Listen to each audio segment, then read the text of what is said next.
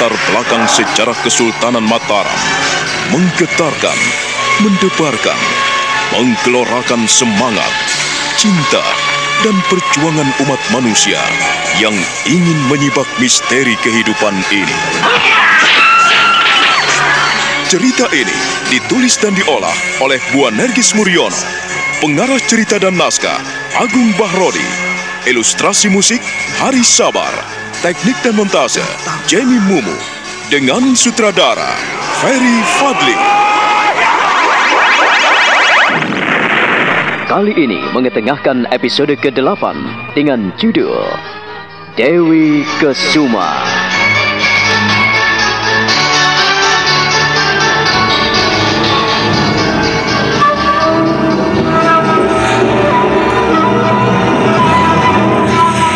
Pagi itu, Krempeng dan Sanggul sampai di Gua Teratak. Mereka tertawa panjang ketika melihat dua darah jelita. Mereka bertemu Roro Semi dan Siri yang kembali menengok tempat di mana Aji Sukmo pernah bersemedi selama tujuh hari tujuh malam.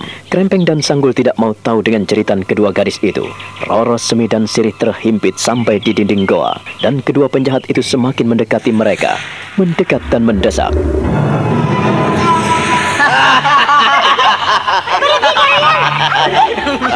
Biadab, kalian penjahat. Kalian manusia berhati binatang. Pergi, pergi kalian.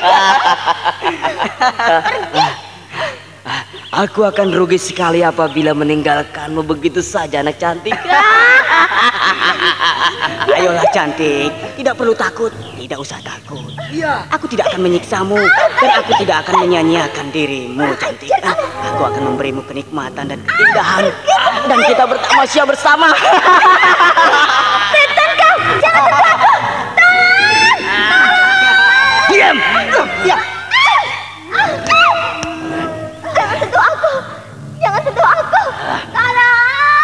Diam kau. Krempeng dan Sanggul terkejut sekali ketika seseorang menendangnya. Keduanya terjengkang dan terhuyung ke belakang. Roro Semi dan Siri pun berangkulan. Mereka menghindar, menyaksikan pemuda linglung mencecar kedua penjahat itu. Ayo, ayo. Bisa kalian hanya mencelakakan orang-orang yang lemah dan aku tidak akan membiarkan kalian sewenang-wenang. Ayo, ayo, majulah, bangkitlah. Eh, Lawanlah aku. Hah? Jangan mengganggu gadis yang tidak berdaya, ya. Eh, siapa kau? Pemuda jalanan. Siapa kau, Bopeng? Hingga berani mengganggu kami? I- Iya, wajahku memang bopeng, tubuhku memang buruk dan totol-totol hitam. Tapi hatiku tidak seburuk dan sejahat kalian. Rampeng! Jangan banyak mulut. Kita hajar dia biar mampus. Ya.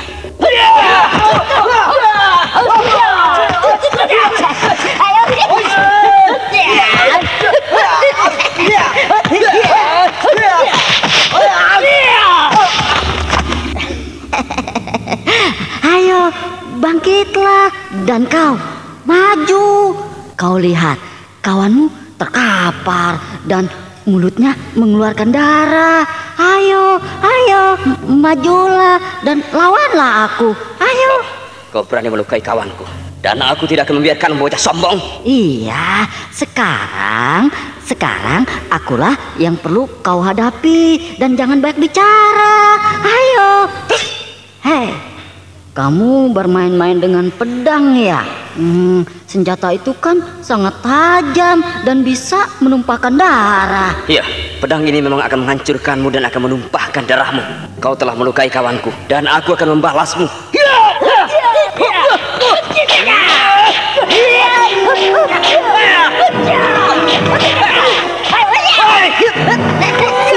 Ayo kita pergi dari sini, kita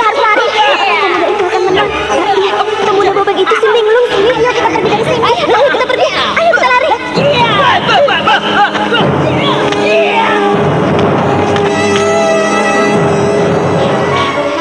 Ketika Linglung berkelahi makin dahsyat melawan Sanggul dan Krempeng, maka Sirih dan Sumi berlari meninggalkan Gua Teratak. Meninggalkan perkelahian yang semakin sengit, Krempeng telah jatuh di lantai goa dengan mulut berlumuran darah. Dan kini Sanggul menyabetkan pedang ke sana kemari, ingin membabat batang leher Linglung.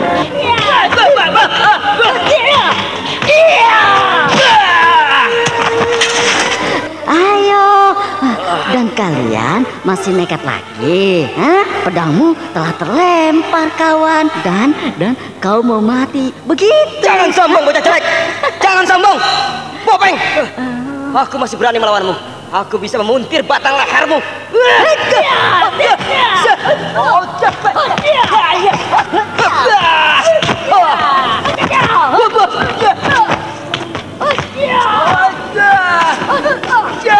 mampuslah kau. Ayo, rasakan, rasakan. Mulut kalian berlepotan debu dan darah. Dah, selamat tinggal kawan.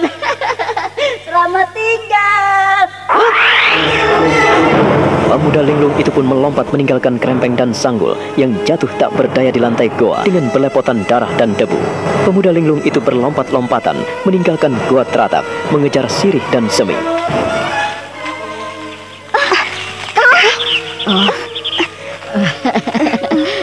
Eh, mengapa kalian bertengkar dengan mereka? Kau, kau, kau, bukankah kau, kau, Tentu saja kalian sudah lupa kepadaku. Ah, anak-anak cantik sama kawannya kok lupa sih? Kau kau lupa padaku? Iya, iya. Eh, bukankah kau linglung? iya, ah, kau yang mm, cantik. mm, tak lupa padaku, eh, Roro Semi ya?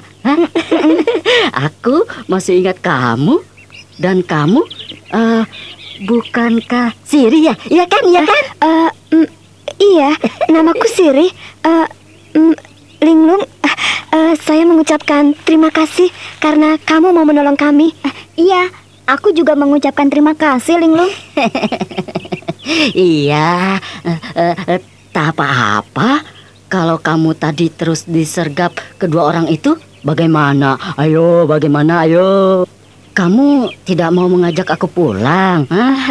Linglung, maaf, kami harus buru-buru pulang. Iya, kami harus pulang, Linglung. Eh, maafkan kami. Siri, Semi, tunggu, tunggu aku. Aku, aku ingin main ke rumah kalian. Tunggu.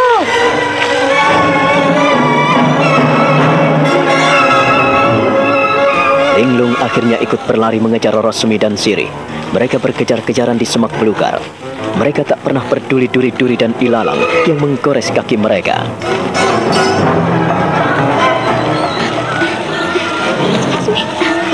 Ah, mengapa kalian berlari-lari meninggalkan aku?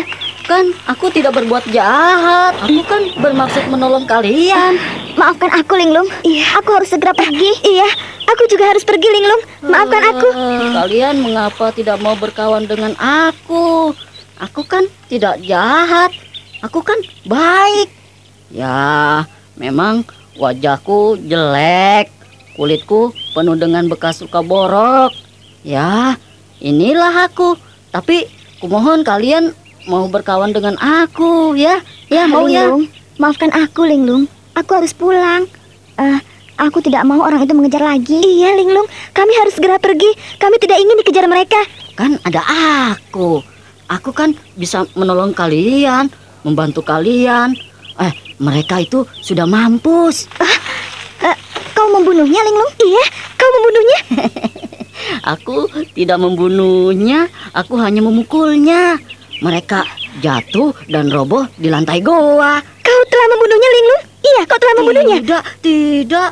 Aku tidak mau membunuh orang. Mereka kan bukan nyamuk sih, Ri. Tapi kalau mereka tak berdaya di lantai goa, artinya mereka mati. Aduh, kalian menuduhku jadi pembunuh ya?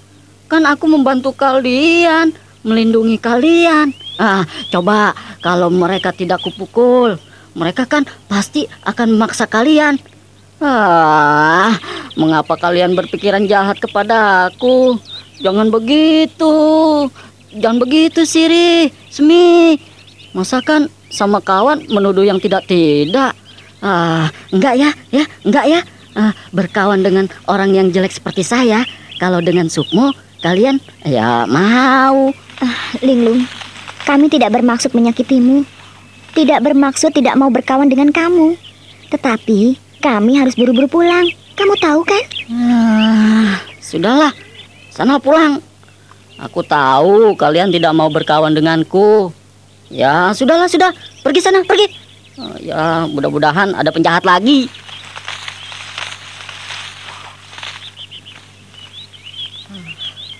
Mereka meninggalkan aku. Ah, jagat Dewa Botoro. Inilah bila nasib berwajah bopeng seperti aku. Walaupun aku berbuat baik pun tidak mau diterima dan tidak akan diterima sebagai kawan. Ah, memang susah punya nasib orang jelek. Mama, mengapa aku bisa begini? Kalau kamu sih ganteng, jadi punya kawan yang cantik-cantik. Ah.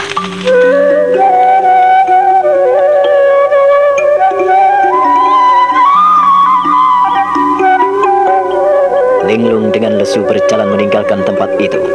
Hatinya kecewa sekali karena Roro Semi dan Siri seakan-akan tak mau berterima kasih atas jasanya melindunginya. Pemuda linglung itu berjalan terhuyung-huyung dengan hati yang sedih sekali.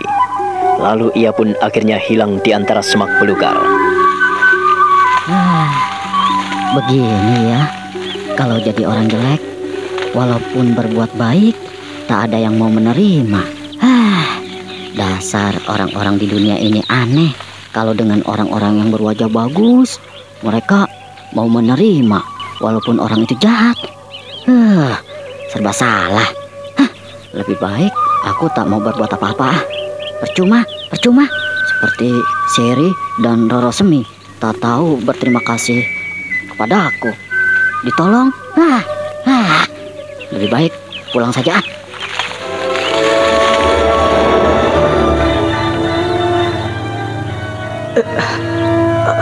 Aduh, di mana aku? Hmm, eh, eh, di mana aku? Oh, kurang ajar. Bocah bopeng itu memukulku. Ah, hmm, aduh.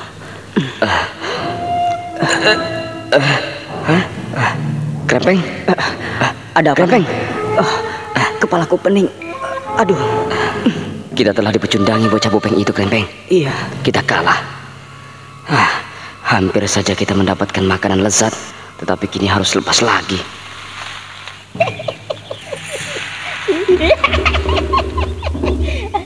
Ayo bangun, bangun, bangun, bangun. kalau kalau kalian ingin boga mentah dan tendangan lagi, ayo bangun, ayo. Wah, wajah kalian berlepotan lumpur dan darah. Ayo bangun, lawanlah aku kalau mau. Wow, wow. Kurang ajar. Dia telah melukaiku. Awas, suatu ketika aku akan menghajarmu. Sialan, kamu sudah melukai kami. Ternyata kalian belum becus bangun ya. kalian pusing ya, pusing. Wah, kasihan. Baru dibegitukan saja payah. Wuh, begitu kok mau mendekati pacar-pacarku. Eh, nggak tahu diri. Eh, selamat berpusing-pusing. Selamat tinggal kawan-kawan. Sanggul dan Krempeng jengkel sekali diejek oleh pemuda linglung yang telah melukai mereka. Sanggul dan Krempeng hanya bisa berpandangan sambil berusaha untuk bangkit. Namun kepala mereka nampak pening, terasa sakit dan berdenyut-denyut. Bahkan seluruh tubuh mereka terasa ngilu sekali. Krempeng, siapa bocah edan itu? Mana aku tahu, Kakang. Aduh, aku sudah tidak mau melayaninya lagi jika tidak ingin babak belur seperti ini. Ah, aku punya akal, Krempeng. Justru dengan luka-luka pada tubuh kita ini, kita punya alasan untuk kembali pulang. Eh, maksudmu, Kakang? Ah, katakan saja kita telah bertemu dengan Aji Sukmo yang menculik Rara Sunti. Hah?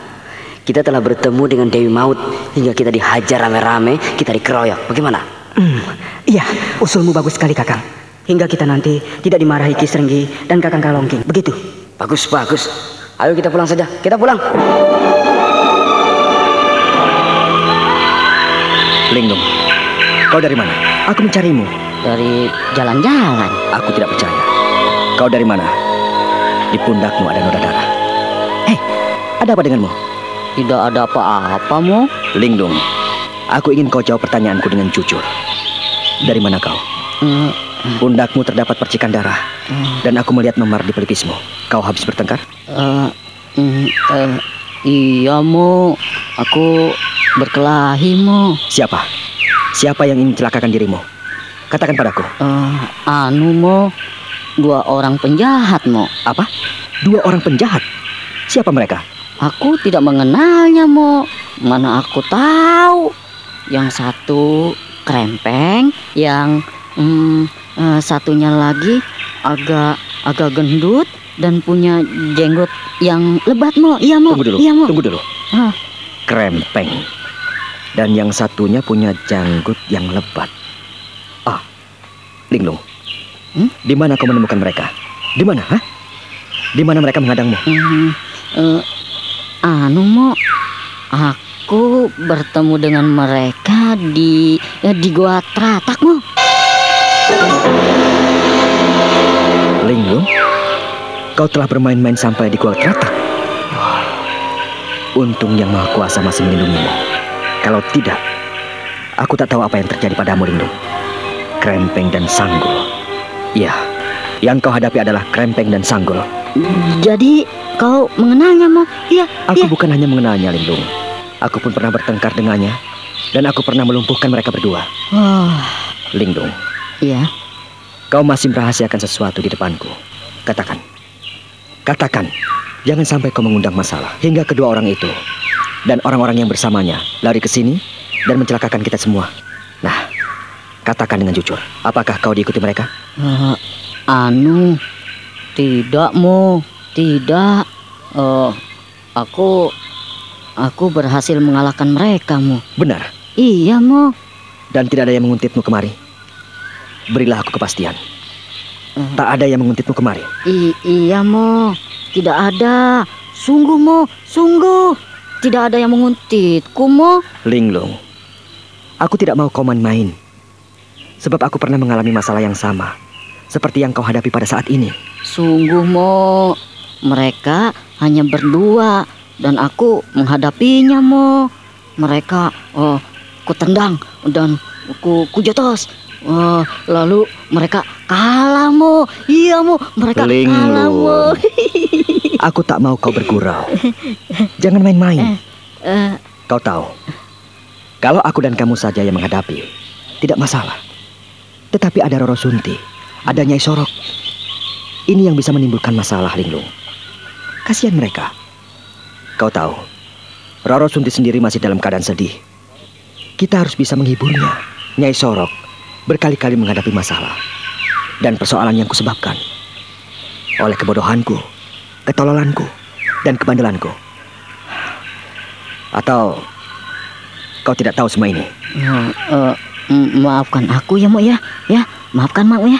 Eh, kan aku aku tidak sengaja, Mo. Sengaja atau tidak, aku tidak ingin kau mengundang musuh ke sini. Kau sudah kuperlihatkan bagaimana gubuk Nyai Sorok Pitratak dibakar hangus hingga tinggal arang dan abunya. Aku tidak ingin kejadian itu terulang lagi di sini, Linglung. Kita harus mengasihi Nenek Sorok dan Sunti. Mm, Maafkan aku ya Mo ya Ya maafkan ya Aku salah Mo Tapi aku tidak sengaja kok Mo Aku aku hanya lewat Lalu eh, mereka mengeroyokku Mo Mm, eh, Anu Mo Anu apa lagi? Ayo, jangan pelintat-pelintut. Ah. Katakan, eh, ada masalah apa sebetulnya? Di sana aku lihat Roro Semi dan Siri Mm, Ayo cepat katakan. eh, Roro Semi dan Siri kenapa di Gua Teratak? Hmm.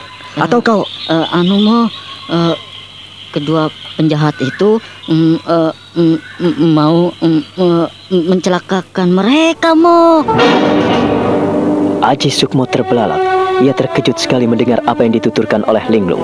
Aji Sukmo menjadi tidak tenang. Hatinya berdebar-debar. Ia mengkhawatirkan Roro Semi dan Siri apabila mendapat gangguan dari Sanggul dan Krempeng, anak buah Kisrenggi yang memang jahat dan kurang ajar. katakan Linglung. Ada apa sebetulnya? Pastikan bahwa Roro Semi dan Siri selamat. Jangan sampai mereka ikut celaka gara-gara kita. Ah, kau ini linglung. Jangan membuat gara-gara. Anu mo. Ah, ya aku sedih sekali mo. Sekalipun mereka ku tolong, tapi mereka menutup mata untukku mo. Ah, jagat Dewa Betoro. Linglung, linglung. Katakan, mereka selamat? I- i- iya mo, mereka selamat. Aku melindungi mereka mo. Hmm, kalau begitu, aku ingin menengok mereka. Kumohon jaga Sunti dan nenek baik-baik. Kau dengar itu? I- iya mo, aku dengar. Kalau kau tidak mendengarkan kata-kataku, kita lebih baik tidak usah berkawan, Linglung. Jangan menambah persoalan lagi di sini. Aku sudah cukup merepotkan Nyai Sorok. Aku sudah membuat beban bagi Roro Sunti. Aku ingin membahagiakan mereka berdua. Ah, Tapi apa yang terjadi? Sudah gubuknya dibakar, selalu dikejar-kejar, dan aku kemarin melihat orang-orang di Serenggi mencariku.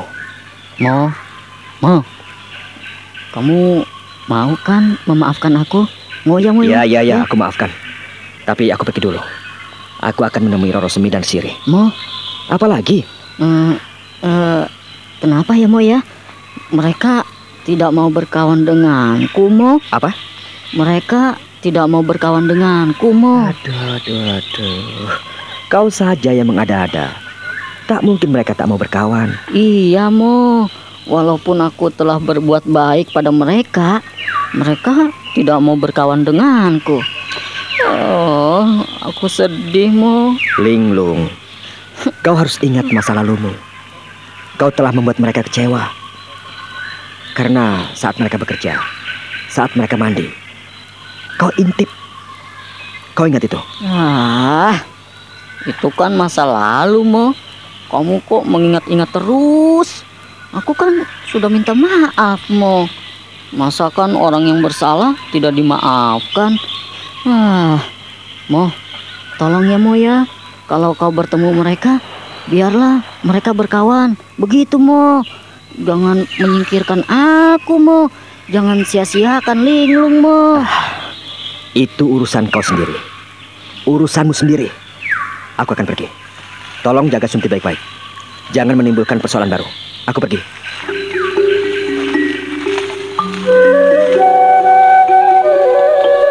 Linglung menjadi salah tingkah. Ia hanya bisa memandangi Sukmo yang melangkah buru-buru lalu melesat hilang dalam semak belukar. Tubuhnya melesat bagaikan seekor monyet yang marah. Linglung hanya bisa terenganga. Lalu ia pun membalikkan badannya dan menuju ke gubuk Nyai Sorok. Linglung, Kau Linglung, kenapa pundakmu dan pelipismu? Eh, tidak, eh, tidak apa-apa. Eh, aku habis berburu babi hutan. Kau tidak bohong padaku. Tidak, Sunti. Aku tidak bohong padamu. Aku melihat kau sedih sekali. Kenapa? Ada yang bisa kubantu? Hmm, aku tidak tahu harus bilang apa padamu, Sunti. Memangnya kenapa?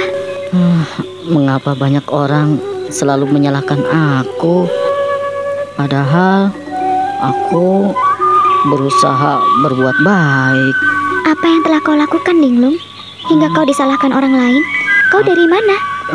A- aku tidak dari mana-mana, tapi apa yang kulakukan selalu salah, Sunti.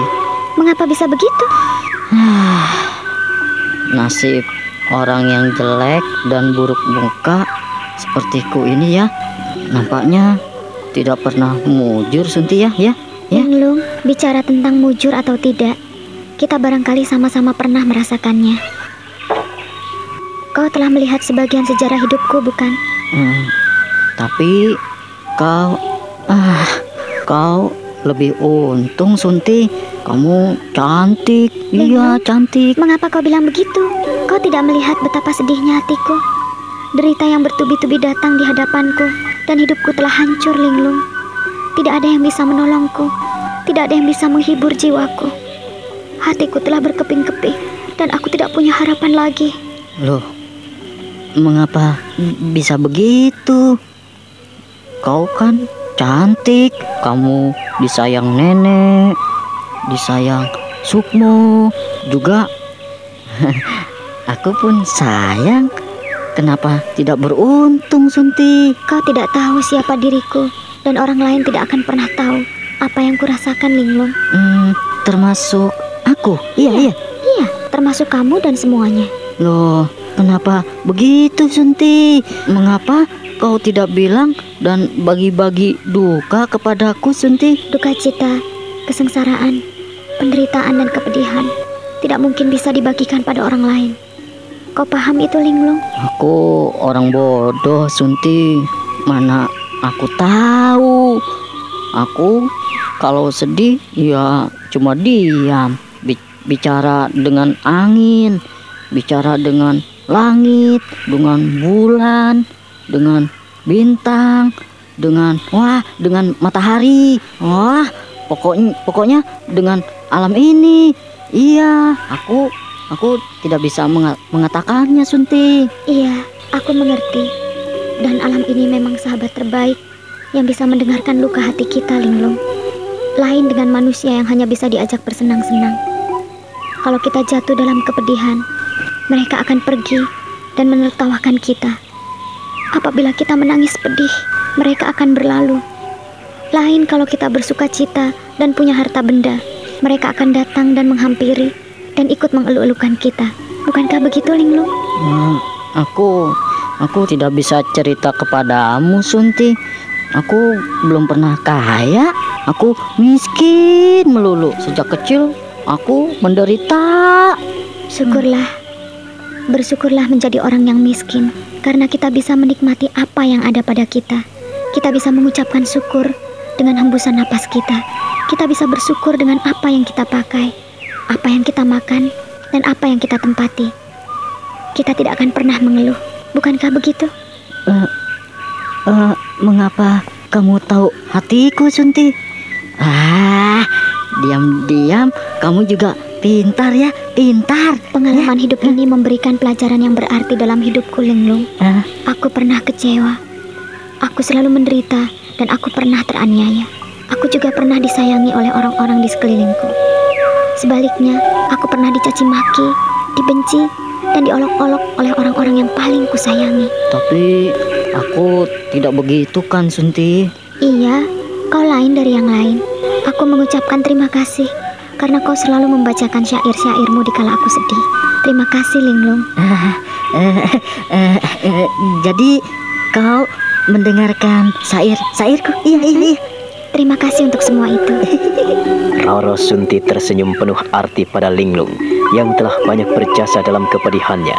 Kedua anak manusia itu lama sekali saling berpandangan. Kemudian Roro Sunti berbalik meninggalkan Linglung. Ia masuk ke dalam biliknya. Linglung duduk di balai-balai bambu hingga terdengar ceritanya menjerit bagaikan jeritan hatinya. Sementara itu, Haji Sukmo telah sampai di sudut desa Tratak, di mana ia sering bertemu dengan Roro Sumi dan Siri.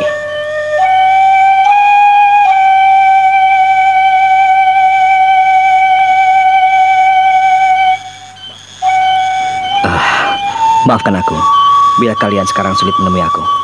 Sukmo, eh, kau, eh, bagaimana keadaan Roro Sunti? Bagaimana? Apa kau telah menemukannya? Aku belum mendapat berita tentang Roro Sunti Semi. Hingga saat ini aku selalu mencarinya. Jadi, kau belum ketemu dengan dia, Sukmo? Iya, aku belum mendapatkannya. Ah, Siri, Semi, Iya. aku kemari mencemaskan kalian. Aku khawatir bila ada orang yang mengganggu kalian. Hatiku tak enak. Sukmo, kau tahu apa yang kami alami? Iya, Sukmo. Eh, hampir saja kami mati ditikam oleh perampok. Ada orang-orang jahat yang sering datang ke tempat kami. Untung bocah Edan itu datang menolong kami. Maksudmu? Ah, itu si Linglung. Ia tiba-tiba datang dan melawan kedua penjahat itu untuk melindungi kami. Tapi kami masih sulit untuk menerimanya. Dan kami susah berkawan dengan pemuda Edan itu. Mengapa kalian menyia-nyiakan dia? Kasihan Linglung, Siri, Semi. Bukankah ia anak baik-baik? Baik-baik. Iya. Kami tidak akan pernah melupakan peristiwa di pinggir kali, Sukmo. Iya, pemuda itu sih nampaknya baik. Tetapi juga punya maksud jahat pada kami. Hingga kami tidak bisa berteman dengannya. Kalian tidak boleh menilai buruk pada orang lain sebelum tahu siapa sebenarnya Linglung. Tapi memang ia punya keinginan jahat pada kami juga. Sekalipun ia melindungi kami dari dua penjahat yang akan memaksa kami. Iya, Sukmo. Kami takut setiap kali melihat temanmu itu. Ah, sekarang, apakah kalian masih bersama-sama? Jadi kau mendengar berita darinya tentang kami, begitu? Tentu kau masih bersamanya, bukan Sukmo? Tidak. Kami tidak pernah bersama-sama. Kami ketemu karena Linglung juga suka mengembara. Kalau begitu, siapa yang memberitahukan bahwa kami dalam bahaya? Kau tahu siapa aku? Aku tak pernah diam. Dan aku selalu berjalan mencari apa sebetulnya yang tidak pernah aku mengerti. Apa, Sukmo? Selalu pergi dan mencari yang tidak pernah kau mengerti. Itulah aku. Aku hanyalah sepotong jasad yang terus mengembara, yang berjalan tanpa arah dan tujuan. Aku ini sekeping hati yang ingin mencari jalan, ingin mencari dan terus menyusuri tapak-tapak kecil yang hitam. Tapak-tapak hitam yang terus kususuri, sampai sejauh mana tapak-tapak itu ada. Wah, kasihan kau, Sukmo. Kasihan? Hah, tidak. Kau tidak perlu mengasihani diriku. Jalanku masih panjang, dan aku harus terus tetap melangkah. Siri, Semi, aku senang melihat kalian dalam keadaan baik-baik. Kalian tak apa-apa? Seperti yang kau lihat, Sukmo. Kami dalam keadaan baik-baik saja. Aku juga baik-baik saja, Sukmo. Kudengar dari Sirih kau selalu sakit, Semi. Sekarang kau sehat dan kau tidak terganggu. Kau tidak apa-apa, bukan?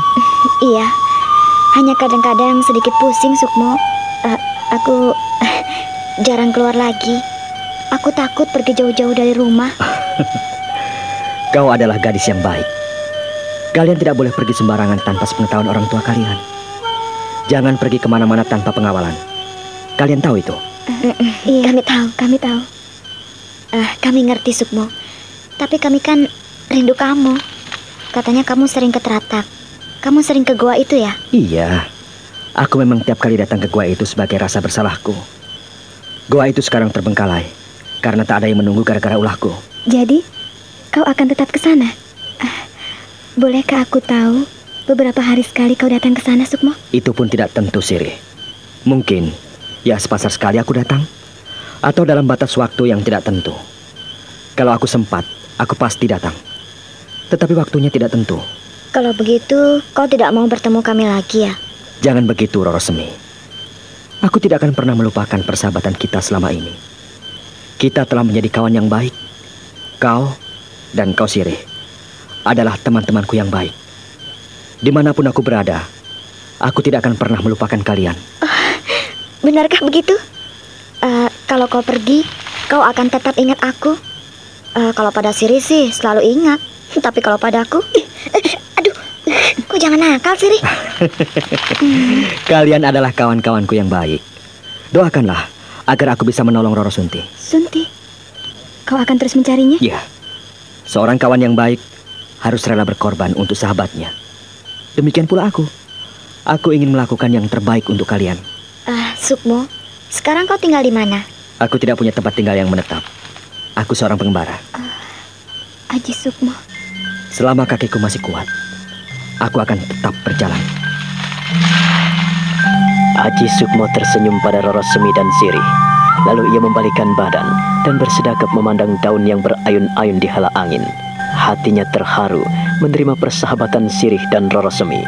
Kembali ia teringat pada bayangan Roro Sunti yang dulu selalu bermain bertiga dengan mereka. Hatinya terasa ngilu teriris-iris. Ketulusan kalian membuat hatiku terharu. Aku bahagia menerima kalian.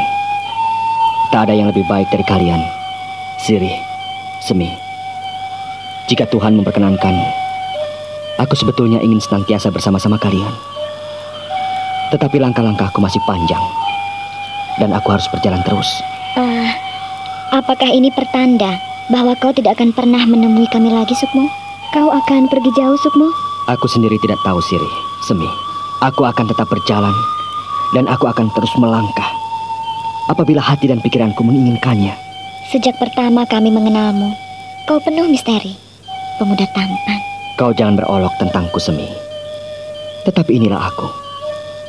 Berdoalah untukku, agar tetap mendapatkan waktu untuk bertemu dengan kalian berdua. Di sini, di sudut desa ini, di pinggir hutan yang sunyi. Kau janji? Aku tidak berani berjanji, Siri, Semi. Tetapi Aku tetap kalian terima sebagai teman, bukan? Oh, Aji Sukmo, Aji Sukmo. Siapa yang menolakmu? Kau tetap kawan kami, sahabat kami. Jikalau kau pergi jauh, janganlah lupa pada kami. apabila ada waktu yang baik untukmu, tentu kau mau melangkahkan kaki ke sini, bukan? Tentu, Siri. Bila kau telah bertemu dengan Roro Sunti, kau harus membawanya ke sini untuk menemui kami, ya? Tentu. Tentu, Semi. Siri. Sekarang, izinkanlah aku pergi. Sukmo! Sukmo akhirnya melangkah meninggalkan Roro Semi dan Siri. Beberapa saat lamanya ia menghentikan langkahnya dan menoleh kepada kedua gadis itu yang ditinggalkannya dengan tatapan mata sendu. Ia tidak tahu apabila ada dua pasang mata yang memperhatikannya dari kejauhan. Sukmo terus melangkah, melangkah tertunduk, dan ketika sampai di tempat yang sunyi, ia kemudian melompat bagaikan seekor harimau yang menerjang belukar. Sementara itu, dua pasang mata yang ada di balik rimbunan pepohonan itu hanya bisa saling berpandangan. Mereka menunduk, lalu kembali saling berpandangan.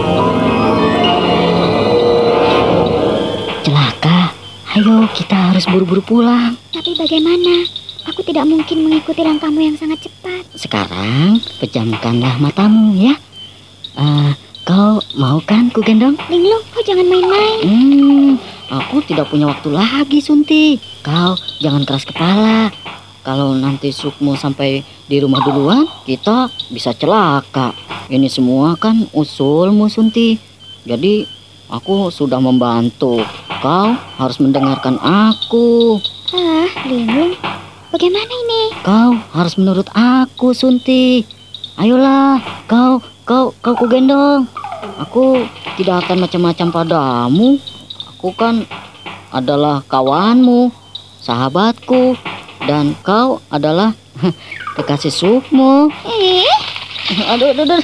Eh, Kamu jangan nakal, Sunti. Sakit kan kalau dicubit. Kalau nyubitnya sayang, aku mau. ah, kau mulai nakal. Eh, kamu yang keras kepala. Ah, akan ku gendong ya.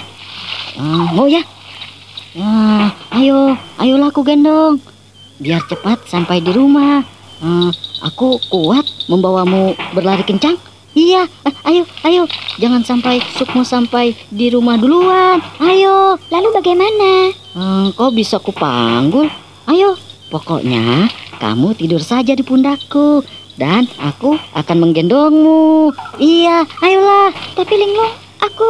Waktu kau kami tolong, kau digendong Sukmo di bahu. Ah, begini nih, nih. Ah. Hup, ah. Eh. Ah, jangan ribut. Nanti Sukmo mendengar. Ah, dia peka sekali dan dia bisa mendengar dari ratusan kaki. Ayo, cepat. Diam saja ya. Ah, kau kau pura-pura mati ya. Hup. Roro Sunti meringkuk di pundak Linglung. Ia pura-pura pingsan dan semampir tak berdaya di panggul Linglung. Dengan terengginas, Linglung memanggulnya, lalu melompat cepat menyibak semak belukar. Ia berlari makin cepat bagaikan angin. Sementara itu, Aji Sukmo pun melompat-lompat menghindari semak dan duri. Ia menuju ke Goa Teratak. Ada yang mengetuk-ngetuk pintu hatinya setiap kali berada di wilayah Teratak. Ia merasakan desir-desir aneh dalam batinnya. Aku seperti melihat bayangan-bayangan dan kelebat hitam di antara pepohonan. Aku juga mendengarkan seseorang yang melompat dan berlari-lari. Eh, ada orang yang mengintipku. Hmm, kalau ada yang ingin main-main, kalian menghadapi Sukmo.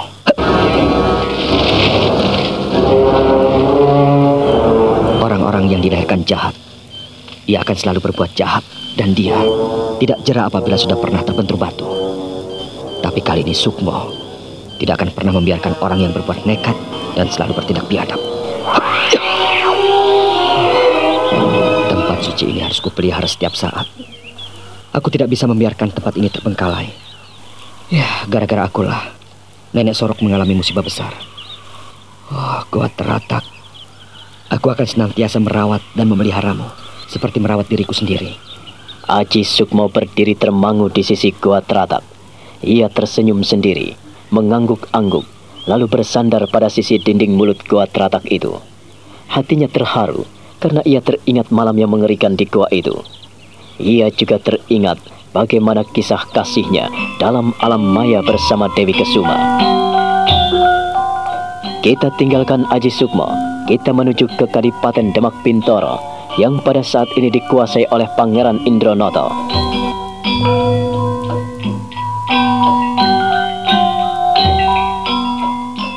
Hamba tidak tahu mengapa Kanjeng Pangeran Joyorogo singgah di tempat ini. Hamba mohon maaf jika hamba tidak mengadakan penyambutan yang berarti atas kehadiran Kanjeng Pangeran di sini. Tidak apa-apa Paman Indronoto. Saya di sini memang hanya singgah. Tetapi untuk lebih baiknya, biarlah Wulan yang menjelaskannya. Wulan, silakan bicara pada Paman Indronoto. Terima kasih Kanjeng Pangeran. Ampunkan hamba, Paman Indronoto, Kanjeng Dipati Demak Bintoro. Ah, silahkan Wulan. Bicaralah.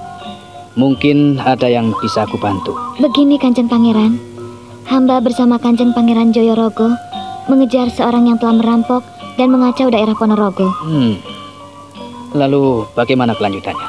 Hamba Kanjeng Pangeran, hamba bersama Kanjeng Pangeran Joyorogo ingin mencari seseorang yang telah mengacau di daerah kami. Kami mengejar dan terus mengejarnya hingga sampai masuk wilayah Demak Bintoro ini. Kalau begitu, kau mencurigaiku? Oh, tidak. Tidak. Eh. Tidak, Paman. Jangan salah paham, Paman. Kami tidak punya pikiran jahat pada Paman Indronoto.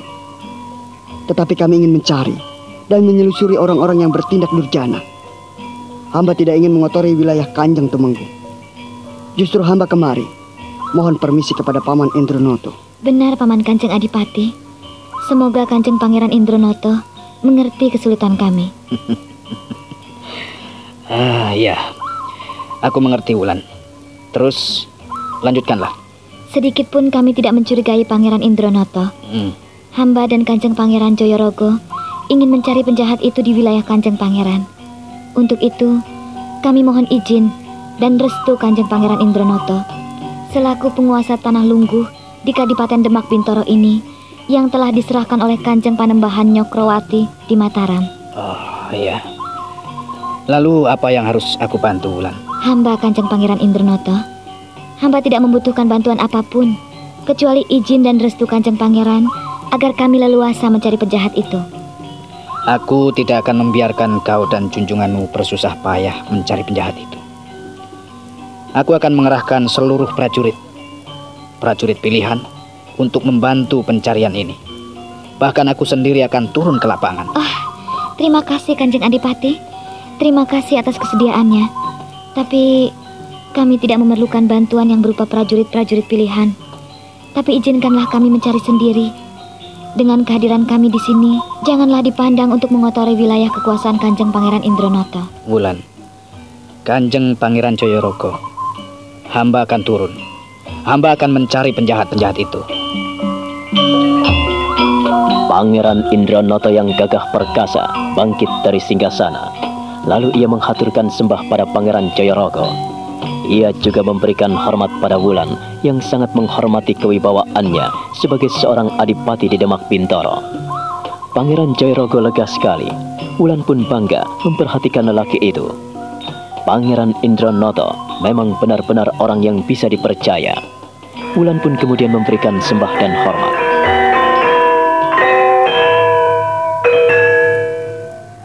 Hamba akan turun sendiri untuk membantu Kanjeng Pangeran Joyorogo dan Dimas Wulan. Ah, saya tidak terima apabila Demak Bintoro dikotori oleh orang-orang kacineman. Ampunkan hamba Kanjeng Pangeran. Perkenankanlah hamba menyampaikan sepatah dua patah kata. Hmm, ya, silahkan. Silahkan Dimas Wulan.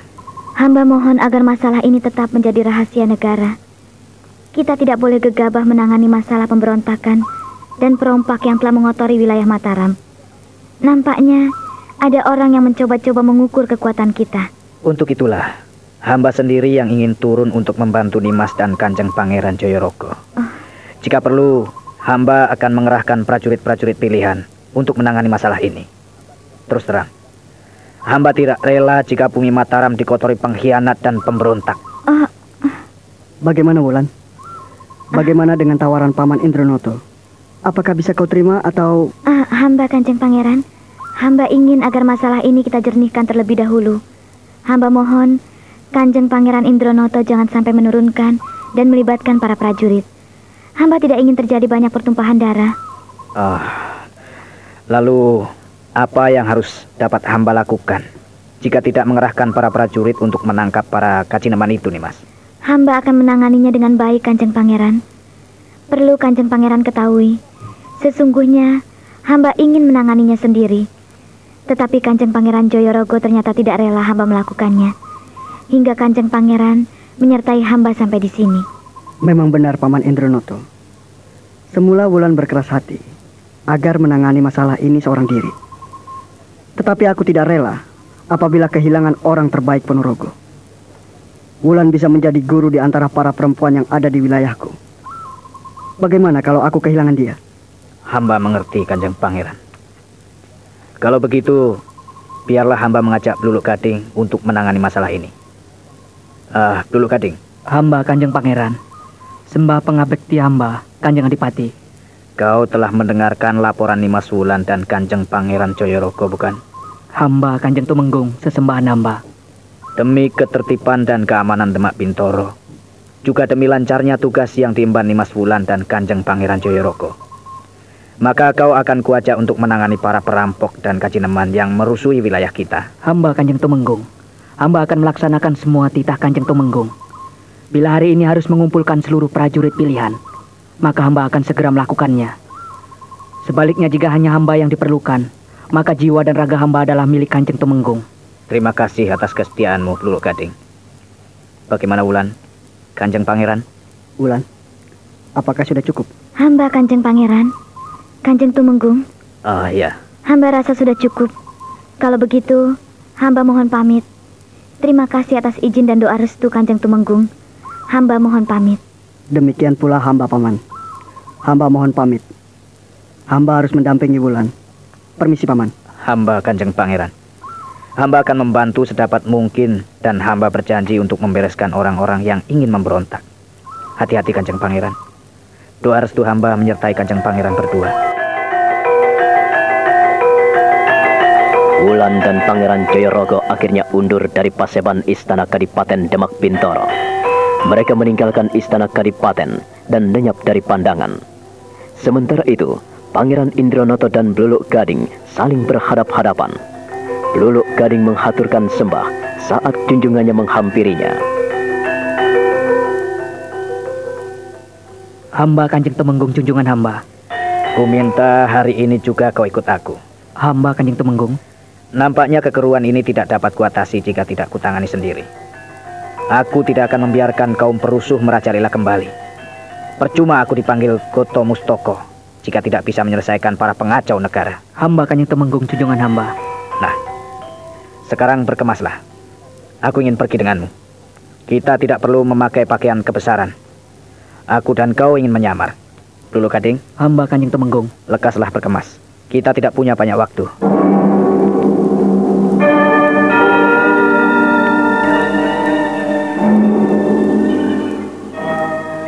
Wulan, apakah kau percaya jika Paman Tumenggung tidak terlibat?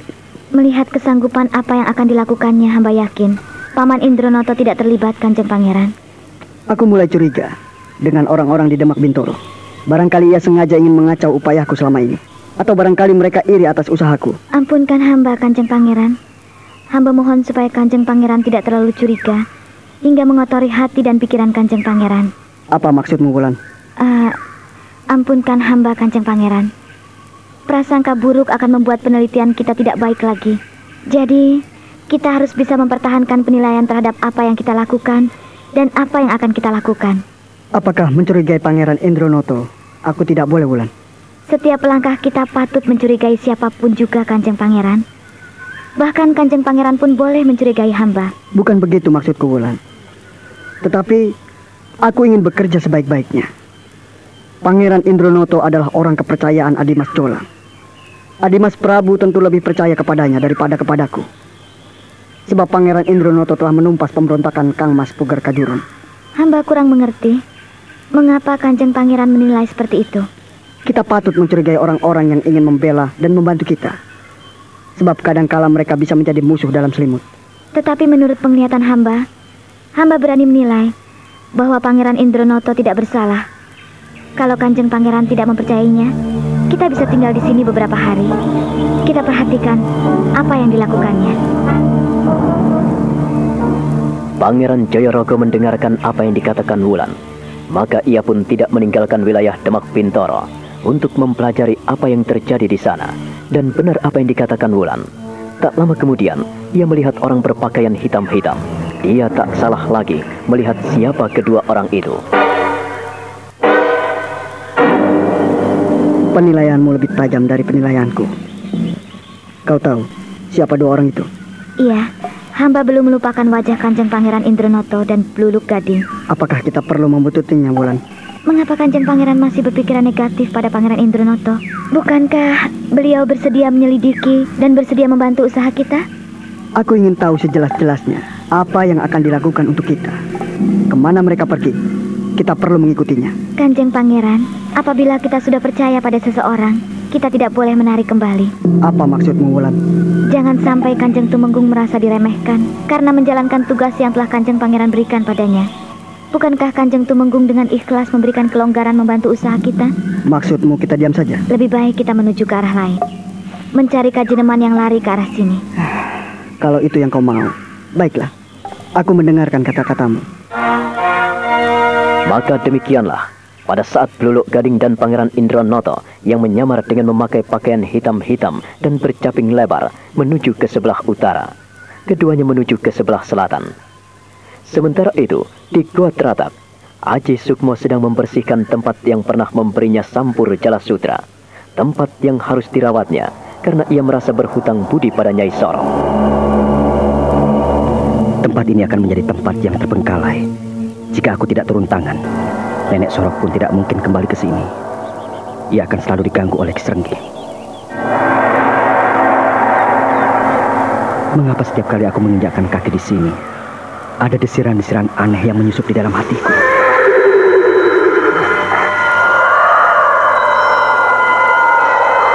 Aji Sukmo terkejut sekali ketika ia sedang membersihkan dekat lubang di mana ia pernah duduk bersila. Ia merasakan desir-desir aneh dalam mata batinnya. Ia bersandar pada dinding goa, lalu memandang ada kilatan-kilatan aneh yang muncul tepat di depan goa. Ia melihat kuda api yang melonjak-lonjak di depan goa. Ia melihat seorang berpakaian hitam-hitam, berikat kepala hitam, tersenyum kepadanya.